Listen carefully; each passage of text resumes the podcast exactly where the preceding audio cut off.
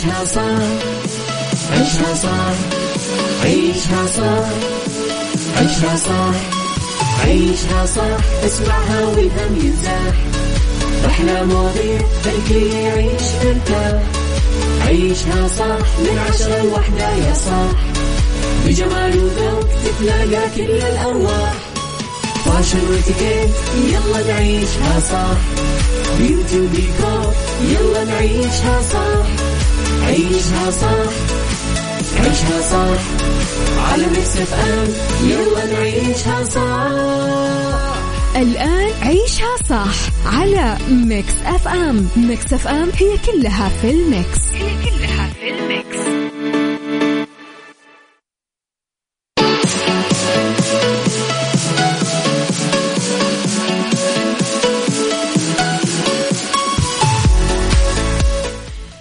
يسعد صباحكم ويا أهلا وسهلا فيكم. وصباحكم مليان خير وسعادة ورضا ومحبة وتوفيق وفلاح. تحياتي لكم بيوم جديد تحياتي لكم بثلاث ساعات جديدة. طبعا من وراء المايكل كنترول أنا أميرة العباس. إذا ساعتنا الأولى أخبار طريفة وغريبة من حول العالم. جديد الفن والفنانين آخر القرارات اللي صدرت ساعتنا الثانية. قضية رأي عام وضيوف مختصين ساعتنا الثالثة صحة وجمال وديكور. وسايكولوجي وستار اوف ذا ويك وذا رايت تراك وميكس هاكس وغيره وغيره وغيره من الفقرات الحلوة على تردداتنا بكل مناطق المملكة تقدرون تسمعونا على رابط البث المباشر وعلى تطبيق Mix FM بكل أنحاء العالم. تقدرون ترسلوا لي دائما رسائلكم الحلوة وتصبحون علي على صفر خمسة أربعة ثمانية, ثمانية واحد, واحد سبعة صفر صفر. أما جديدنا كواليسنا تغطياتنا وآخر أخبار الإذاعة والمذيعين كلها موجودة على at Mix FM Radio تويتر سناب شات انستغرام فيسبوك جديدنا كواليسنا تغطيتنا وكل شيء يخصنا. صبحوا علي برسائلكم الحلوة. قولوا لي إيش حابين تسمعون أغاني. قولوا لي كيف الجو صاير عندكم بمناطقكم. قولوا لي شربتم قهوتكم ولا لا. قولوا لي كيف أوقات دوامكم. قولوا لي. عيشها صح مع أميرة العباس على Mix FM. Mix FM هي كلها في ال mix. هي كلها في الميكس.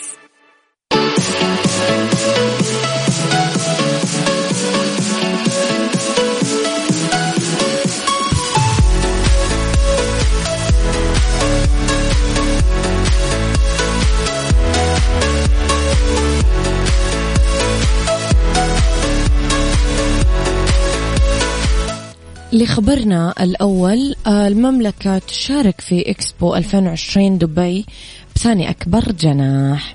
استقبل جناح المملكة العربية السعودية في معرض إكسبو 2020 آه، دبي زواره بالأول من شهر أكتوبر واللي يستمر لين 31 مارتش من 2022 آه، يأخذ المعرض زواره برحلة إبداعية يتعرفون من خلالها على الحياة بالمملكة طبيعتها تراثها العريق مستقبلها الواعد اللي يحمل فرص كبيرة وثقافة شعبها طبعا المرتبطة بجذور حضارية تمتد لأعماق التاريخ. المشاركة السعودية بالمعرض تكتسب أهمية بالغة من خلال جناحها الكبير اللي يقع على مساحة 13 ألف متر مربع وهو ثاني أكبر جناح بعد الدولة المستضيفة الإمارات العربية المتحدة لإبراز مكونات المملكة بمختلف الصعد الثقافية التراثية الاقتصادية. كمان إضافة إلى رؤيتها المستقبلية مشكلا صور إبداعية لاستكشاف المملكة وكمان استلهام ماضيها واستشراف حاضرها. مع إظهار طبعا رؤيتها الطموحة عبر قالب إبداعي يعكس الثراء الحضاري للمملكة وطبيعتها ومجتمعها المتنوع. عيشها صح مع أميرة العباس على Mix FM. Mix FM هي كلها في ال Mix. هي كلها في الميكس.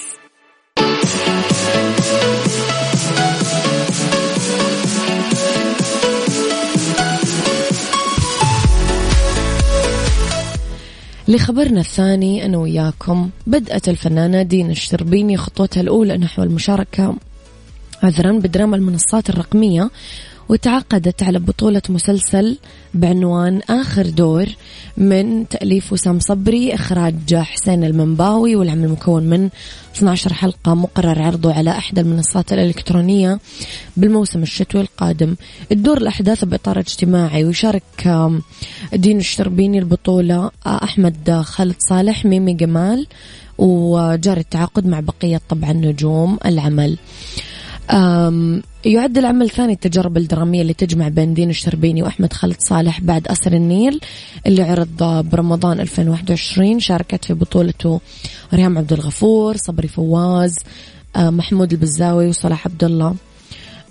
إعلان دين الشربيني تعاقدها على بطولة هذا المسلسل جاء بعد أسبوع واحد فقط من إعلان ترشيحها لمشاركة نجمة محمد رمضان بطولة مسلسله لموسم رمضان 2022 من إخراج محمد ياسين. اللي غائب عن المشاركة من يوم أفراح القبة 2016 آه وشاركت طبعا بالبطولة نجمة دين الشربيني بعد ثلاث سنين من البطولة المطلقة ما شاء الله الله يقويها تستاهل كل خير. وأي شخص يعني يشتغل على نفسه كل هذه الفترة يستحق النجاح.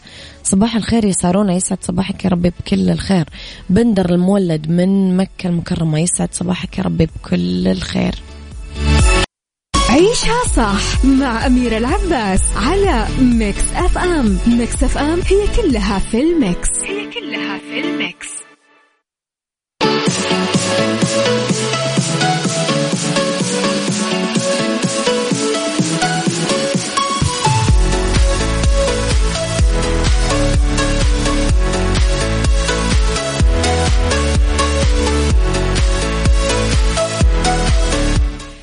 تحياتي لكم مستمعينا الكرام. تقدرون تتواصلون معي وترسلوا لي تصبيحاتكم على صفر خمسة أربعة ثمانية, واحد, سبعة صفر صفر. وطبعا الرسائل اللي ما نقرأها من زحمة الرسائل في العذر والسموحة منكم أكيد دايما مستنين أن أنتم تتفهمون. نحاول نقرأ أكبر عدد ممكن من الرسائل. بحادثة هي الأولى من نوعها. قدر رجل يسير بسيارته على سطح مياه البحر. استغل هذا الرجل هذه المهارة عشان يهرب من دفع فاتورة طعام أو واحد من مطاعم انجلترا بهذه الطريقة اللي أدهشت العاملين والزباين بالمطعم. تداولوا المستخدمين ال social media مقطع فيديو ظهر في عدد من الأشخاص يأكلون بأحد المطاعم بمقاطعة كورنوال جنوب غرب انجلترا قبل ما يلاحظون السيارة والله قاعدة تطفو على الموية والله قاعدة تنطلق بعرض البحر بسرعة عالية. ظهرت خلال اللقطات المصورة. أم أم سيارة SUV قاعدة تصي... تمشي بصورة طبيعية فوق الأرض ورايحة نحو الموية. أصيب الحضور بالذهول لما قدر قائد السيارة يسوقها إلى عرض البحر بسرعة الصاروخ وكأنها سفينة عادي طايفة فوق الموية.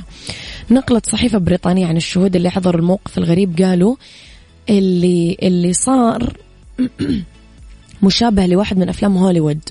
وسط المشهد الحماسي اللي عم المكان بفضل هذا الفعل العجيب اللي نال إعجاب بالحضور تصفيقهم انتبه الويتر أنه الرجال ما دفع فاتورة أكله وهرب الرجال من دفع الفاتورة.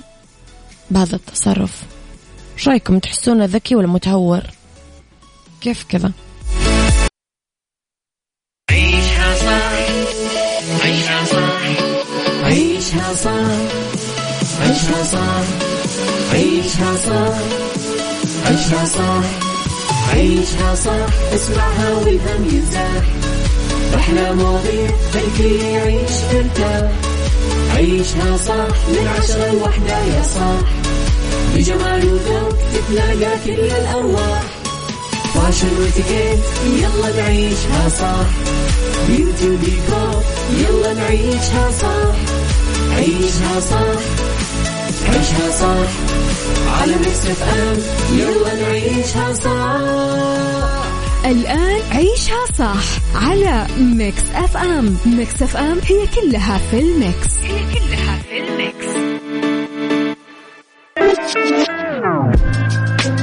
صباح الهنا الخير الفلاح الجمال المحبة التقدير الوفاء الصفات الجميلة اللي إحنا نتمنى تكون بالناس والصفات اللي راح تكون أجمل لو إحنا كنا إحنا مراية هذه الناس ويتحلينا فيها قبل ما نتمنى أنه تكون موجودة بالناس. تحياتي لكم وين ما كنتم صباحكم خير من وين ما كنتم تسمعوني. في هذه الساعة اختلاف الرأي لا يفسد للود قضية لولا اختلاف الأذواق لبارة السلع توضع دائما مواضيعنا على الطاولة بالعيوب والمزايا. السلبيات والإيجابيات السيئات والحسنات تكونون أنتم الحكم الأول والأخير بالموضوع. وبنهاية الحلقة نحاول أننا نصل لحل العقدة ولمربط الفرس. موضوعي ببساطة قصير جدا بس أبغى أسمع رأيكم فيه. نقول لبعض كل اللي يعجبك والبس اللي يعجب الناس. إرضاء الناس كلهم هو اللي يقال عنه أنه غاية لا تدرك. سؤالي هل تقدر توازن بين رغبتك وبين رضا الناس؟ اكتب لي اسمك ورقم جوالك وأنا بتصل عليك وندردش أنا وياكم في هذا الموضوع على الهواء على صفر خمسة أربعة ثمانية, ثمانية واحد, واحد سبعة صفر صفر. إذا اسمك ورقم جوالك على صفر خمسة أربعة ثمانية, ثمانية واحد, واحد سبعة صفر صفر. يلا قوموا يمين يسار. بس مع صفقة وصوت طار ولد. زين. عيشها صح مع أميرة العباس على Mix FM. Mix FM هي كلها في ال Mix. هي كلها في ال Mix.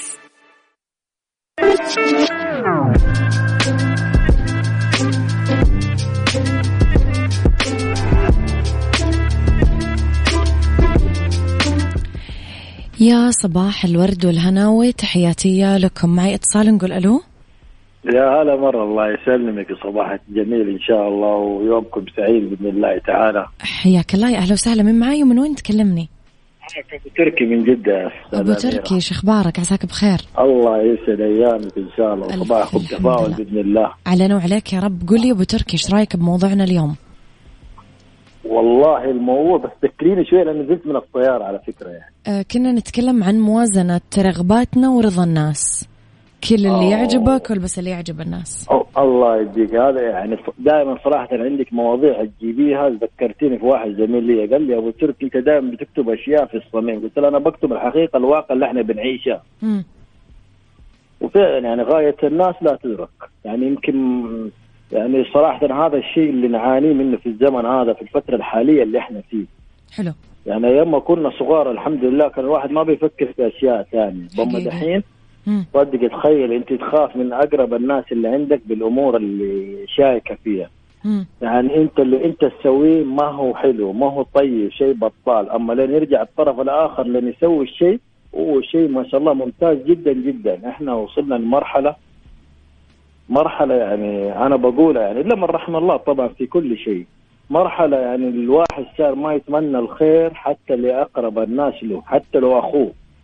حقيقي إحنا وصلنا لمرحلة مرحلة عجيبة جدا. هل هي نهاية الدنيا؟ هل هي الناس تغيرت؟ ولا يجيني واحد لين يقول لي الدنيا تغيرت. لا لا الدنيا هي هي صراحة.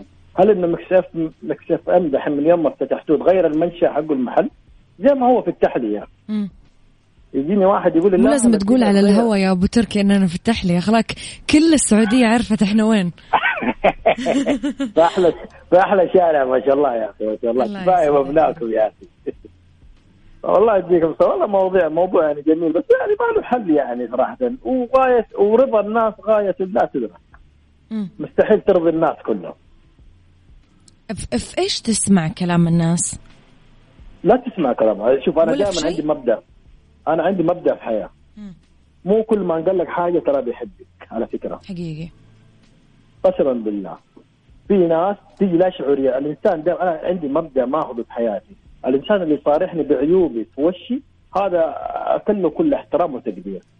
أما الإنسان اللي طبطب وليس يطلع كويس هذا صراحة أبعد عنه. مو كل ما ابتسم يعني زي ما يقولوا يقول لك الأسد إذا ابتسم لك هل هو كمل الجملة الباقي المثل ما يحتاج إن شاء الله. إذا كل أحد ابتسم لك يعني ناوي لك خير؟ لا طبعا مو أكيد. لا أيوه هو ده. عشان لا تفكر إنه ده يعني سبحان الله إحنا جينا في زمن عجيب جدا. يعني كان نشوف أمثلة كثيرة إن كان الأخوان صار ما بيحبوا. عيشها صح مع أميرة العباس على Mix FM Mix FM هي كلها في ال Mix. هي كلها في ال Mix.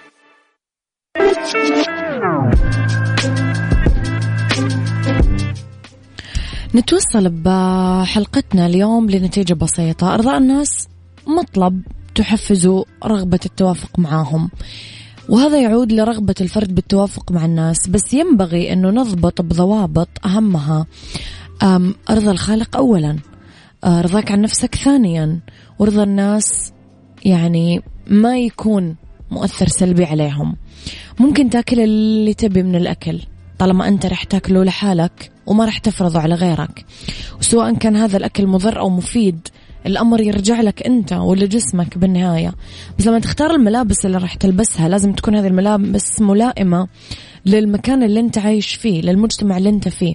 لأنه الناس من حولك اللي نظرهم نصيب مما تلبس أنت.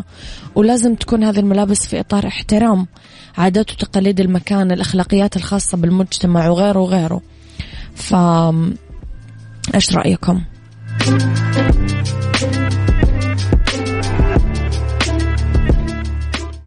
عيشها صح عيشها صح عيشها صح عيشها صح عيشها صح عيشها صح عيشها صح اسمعها والهم ينزاح أحلى مواضيع خلي يعيش مرتاح عيشها صح من عشرة لوحدة يا صاح.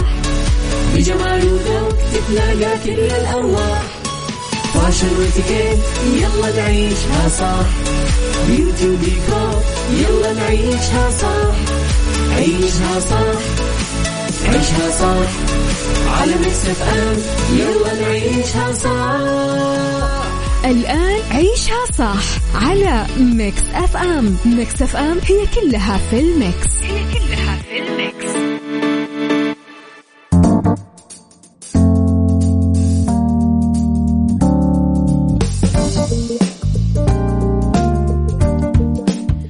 يسعد مساكم ويا أهلا وسهلا فيكم. أرحب فيكم في ساعتنا الثالثة على التوالي أولى ساعات المساء وآخر ساعات تعيشها صح من وراء ال mic وال control أرحب فيكم أميرة العباس ولأننا في يوم الاثنين أكيد يكونون منورينا عيادات أندلسية. آه اسمحوا لي أرحب بضيفتي في الاستوديو اليوم دكتورة إيمان عبد العزيز أخصائية الجلدية والتجميل.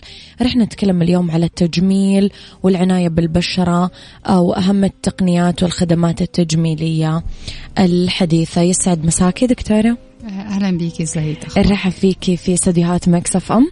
دكتورة خلينا نبدأ بأنواع البشرة. إيش هي أنواع البشرة؟ الأنواع الأساسية للبشرة أول واحد فيها نوع البشرة العادية والبشرة العادية دي صراحة أغلبنا صعب قوي إن هو يوصل له اللي هو ال tone بتاعها بيبقى آه عادي يعني هي لا فيها جفاف ولا فيها أي نسبة من الدهون ولا هي متحسسة. النوع التاني البشرة الدهنية والبشرة الدهنية دي اللي هي طول الوقت بيبقى في إفرازات الدهنية فيها زي زيادة شويتين. النوع الثالث البشرة الجافة اللي أغلب الوقت بيبقى فيها قشور وجفاف وشوية حرارة أو حكة يعني. آه النوع الرابع البشرة المختلطة. المختلطة بتبقى ميكس يعني ما بين إن فيها جزء جاف وغالبا ده بيبقى في في أطراف الوش زي الخدود في الآخر. والجزء بتاع التي زون هو الجزء الدهني فيه. فدي بتبقى مختلطة ما بين الجفاف والدهون. وآخر حاجة إنه أي بشرة من اللي أنا قلتهم عادية بقى أو أو دهنية أو أو جافة ممكن يبقى فيها نسبة من التحسس. ودي بنسميها البشرة الحساسة. يعني أي واحدة من دول ممكن يبقى فيها وقت من الأوقات تحسس وهنا هتبقى اسمها بشرة حساسة. بس. طب دكتورة بما أنه أنواع البشرة تختلف كيف ممكن يكون الاهتمام بالبشرة تبعا لأنه كل نوع مختلف يعني؟ أول حاجة لازم الشخص اللي عايز يعمل روتين عناية للبشرة يرجع للطبيب المتخصص. أول سؤال بنسأله في العيادة دكتورة ممكن أعرف نوع بشرتي؟ والدكتور بعد الكشف هيقدر يحدد. يعني مثلا البشرة اللي بيبقى فيها حب الشباب يعني مية بالمية ما بين إنها تكون دهنية أو مختلطة. أوكي؟ مش ممكن أشوف بشرة جافة فيها حب الشباب الإحمرار والتقشر علامة حساسية. الجفاف طول الوقت ببشرة جافة فده بيتم بعد الكشف. طيب دكتور الروتين اليومي لعناية البشرة أكثر شيء بيتكلمون عنه أخصائية البشرة أطباء الجلدية أكثر شيء البنات حريصين عليه اليوم حتى الشباب صاروا آه، يهتمون. قديش ممكن يختلف من شخص إلى آخر؟ في نقط أساسية للعناية بالبشرة في أي نوع. النقط الأساسية دي هو استخدام المنظف آه، اللي بيناسب نوع البشرة وده سهل قوي نوصله في الصيدليات كل نوع بشرة ليه منظف مخصوص. الاستخدام المنظف دايما مرتين أقل حاجة صباحا ومساء. تاني حاجة استخدام الصن بلوك هو واقي الشمس المناسب لنوع بشرتي. ودي برضو بسهل لما الدكتور يحدد لنا النوع المناسب. الكريم غالبا بيبقى للبشرة الجافة أو العادية والقوامه سبراي أو أو سائل شويتين ده بيبقى مناسب للبشرة الدهنية أو المختلطة. ده فترة طبعا التعرض للشمس. الحاجة الثالثة يفضل إن أنا أستخدم كريم بفترة المساء سواء بقى فيها hyaluronic acid أو فيتامين C دي هيحددها برضو الدكتور. الحاجات الأساسية دي هي استخدام غسول مناسب للوش مرتين استخدام واقي شمس فترة الصبح استخدام حاجة فيها ترطيب فترة المساء ولو معاها زيادة فيتامين سي أو هياليورونيك أسيد. طيب دكتور اليوم حتى البنات اللي في سن صغير حريصين على شد البشرة.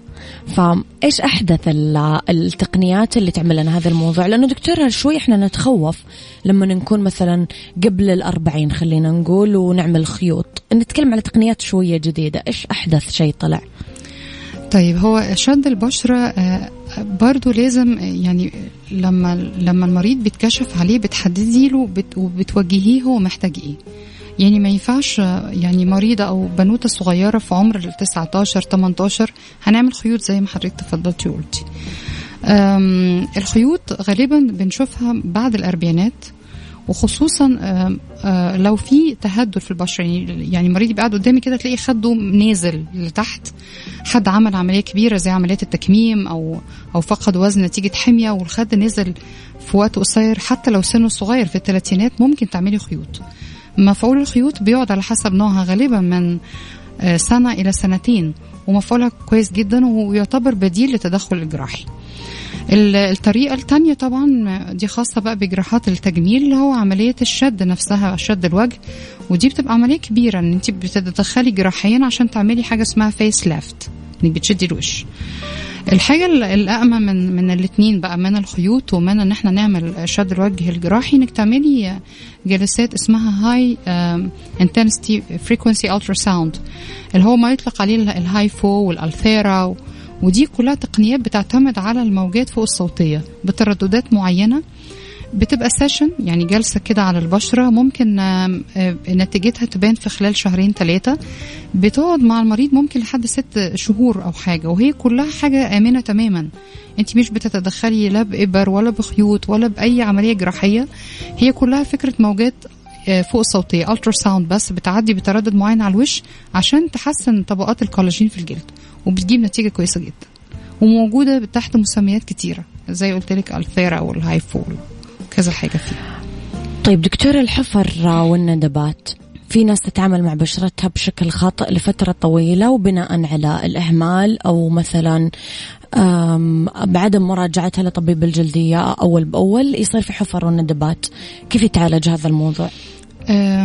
شوفي في الأول أول ما يكون المريض عنده استعداد للحفر لازم يتشاف وغالبا بعض الناس اللي عندها حب الشباب عنيف من الأول بيبان ان هي عندها قابليه للحفر وده بيبان بالكشف وهي لسه في مرحلة علاج حب الشباب.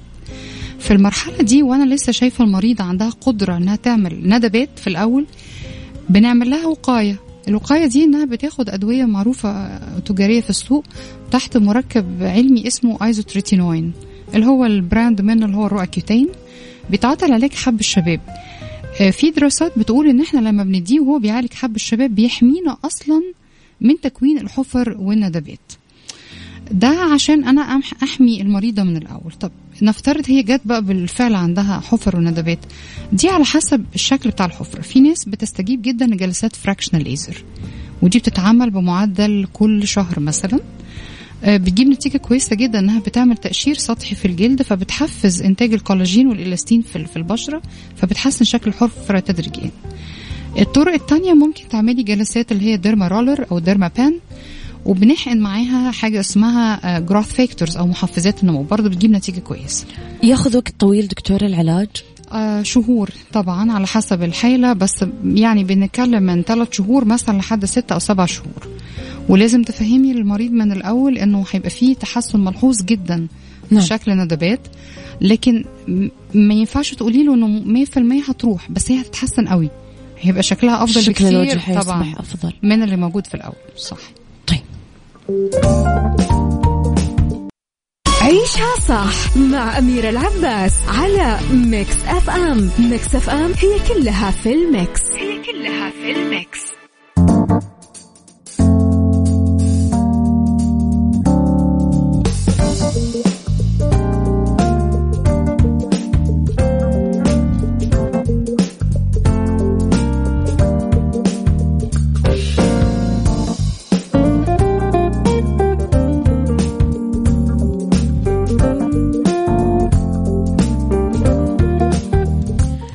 مجددا تحياتي لكم مجددا أرحب آه، فيكم. دكتورة وصلنا لسؤال هل في فرق بين التقشير واستخدام الفراكشنال ليزر إحنا نعتقد إنه يشبه بعض. هو الفراكشنال ليزر لسه قايلين من شوية إن هو برضه بيعمل تقشير في البشرة. فهو الاثنين سواء كان التقشير اللي بيتعمل في العيادة في جلسات أو الفراكشنال ليزر هيوصلوكي لنفس النتيجة تقشير لكن التقشير المقصود بيه التاني هو التقشير الكيميائي وده بيبقى غالبا بأحماض الفواكه. أو إنه بيبقى تقشير بارد وده بيبقى مواد تانية مختلفة عن أحماض الفواكه خصوصا البشرة اللي هو التون بتاعها غامق شويتين. تمام إحنا في المنطقة بتاعت الشرق الأوسط بتاعتنا بشرتنا شوية غامقة. آه فبنعملها تقشير بارد بيبقى أنسب وأأمن شوية من آه تقشير أحماض الفواكه. اللي هو الكيميائي بأحماض الفواكه أو التقشير البارد الاتنين نتيجتهم كويسة جدا. بس تقدري تقولي إنه شوية أقل عنفا أو هم سطحيين شوية عن ال fractional laser فإحنا ممكن نشتغل بال fractional laser عشان ندبات أكتر أو ان إحنا عايزين نعمل آه، تقشير سطحي جدا من البشرة للنضارة ممكن نعمله بال fractional laser حد عايز بقى يعمل آه، تقشير بس للنضارة كذا جلسة ورا بعض يف- يفضل في الحالة دي من غير ما يكون في أي حفر أو حاجة إن إحنا على طول نفكر في التقشير سواء كان كيميائي أو بارد طيب دكتورة اليوم الفرق بين شد البشرة بطرق جراحية وشد البشرة مثلا بجهاز ال- الألفيرة أو الهايفو إيش الفرق؟ طرق جراحية يمكن نقصد الخيوط آه لا الطرق الجراحية نقصد بيها إنه المريضة تتوجه لجراح تجميل. جراح, جراح تجميل, تجميل okay. بيعمل عملية اسمها face lift okay. ال- الخيوط لا بتبقى تبع تخصص الجلدية. الدكتور الجلدية هو هو اللي ممكن يعني يوجه المريض فيها يعني مفيش مشكلة. طيب نرجع للخيوط دكتورة. الفرق بين الخيوط وبين شد البشرة بال HIFU أو شد البشرة بتدخل جراحي إيش؟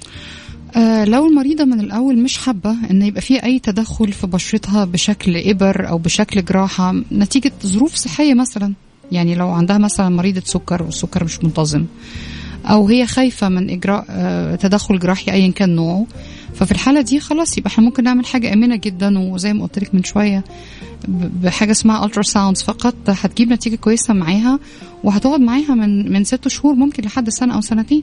فما فيش ما يمنع إن إحنا نلجأ لده. وخصوصا الناس دلوقتي بتفكر إنها تعمل حاجة يعني تقدري تقولي كده آه، آه، إجراء في العيادة مش هياخد أكتر من نص ساعة ساعة إلا ربع وهتروح بيتها كأن ما فيش أي حاجة ما فيش downtime يعني كأنه ما عملتش أي حاجة خالص. آه، من غير أي علامات من غير أي غرز من غير أي جراحة من غير دخول عمليات. فممكن تعمل إجراء آمن تماما من غير أي مضاعفات. فنتيجته ونتيجته كويسة كتير يعني. الجراحة أكيد نتائجها كويسة بس وهتقعد معاها سنين طويلة بس برضه ستيل أنت داخلة أوضة عمليات وهتتحضري لجراحة وعملية كبيرة أو حاجة شبه كده. مش مريض مش مش أي مريض أكيد بت- بتناسبه حاجة زي كده لو عنده سكر أو حاجة زي ما قلنا من شوية. فمش هيكون الخيار الأمثل لفئة كبيرة من الناس. بس. طيب الأجهزة والخدمات المتوفرة دكتورة لعيادة الجلدية والتجميل بمستشفى حي الجامعة إيش هي؟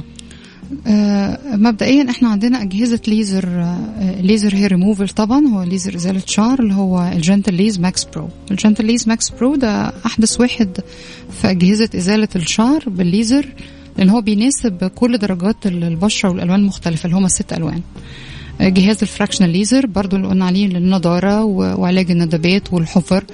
حتى إحنا أحيانا بنشيل بيه آه، يعني زوائد جلدية أو أي بروزات على الجلد ممكن إحنا نشيلها بال fractional laser خدمات ال- الخيوط موجودة أه، حقن البلازما الغنية بالصفائح الدموية. أم، الميزوثيرابي الناس كتير عارفة الميزوثيرابي حقن فيتامينات بتبقى في البشرة ال growth factors برضو اللي هي ما يطلق عليها الخلايا الجذعية برضو متوفرة في العيادة.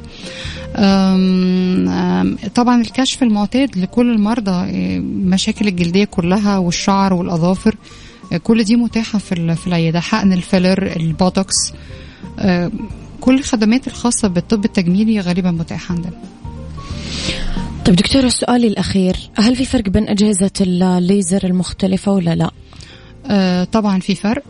آه لما بيجي المريض أول حاجة لازم تكشفي عليه وت- وتقولي له هو محتاج إيه. لأن في مرضى كتير مثلا جاية من بره على طول طالبة إنها تعمل خدمة الفراكشن ليزر.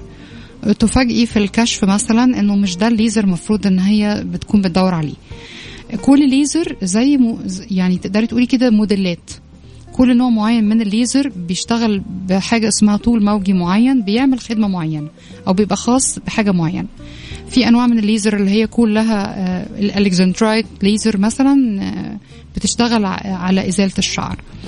ال fractional CO 2 بتشتغل على زي ما قلنا الندبات والحفر. في أنواع معينة من الليزر خاصة بال- بالوحمات الدموية. آه، ده اسمه pulsed dye laser في نوع من الليزر خاص بالوحمات البنية اللي هي التصبغات اللي هي الوحمة أو حبة الخال أو الشامة. ده اسمه Q-switched laser ففي أنواع كتير لكل مشكله طبيه لوحدها ليها ليها نوع معين من الليزر. دكتورة نورتي حلقتنا اليوم يعطيك نعم. ألف عافية. مبسوطة وأكيد لنا. لنا طبعا استضافات قادمة. آه كانت صراحة حلقة ممتعة. أنا استمتعت جدا بالحوار معاكي. آه دكتورة إيمان عبد العزيز أخصائية الجلدية والتجميل. تكلمنا اليوم أنا وياكي عن التجميل والعناية بالبشرة وأهم التقنيات والخدمات التجميلية الحديثة. تحياتي لك دكتورة يعطيك ألف عافية.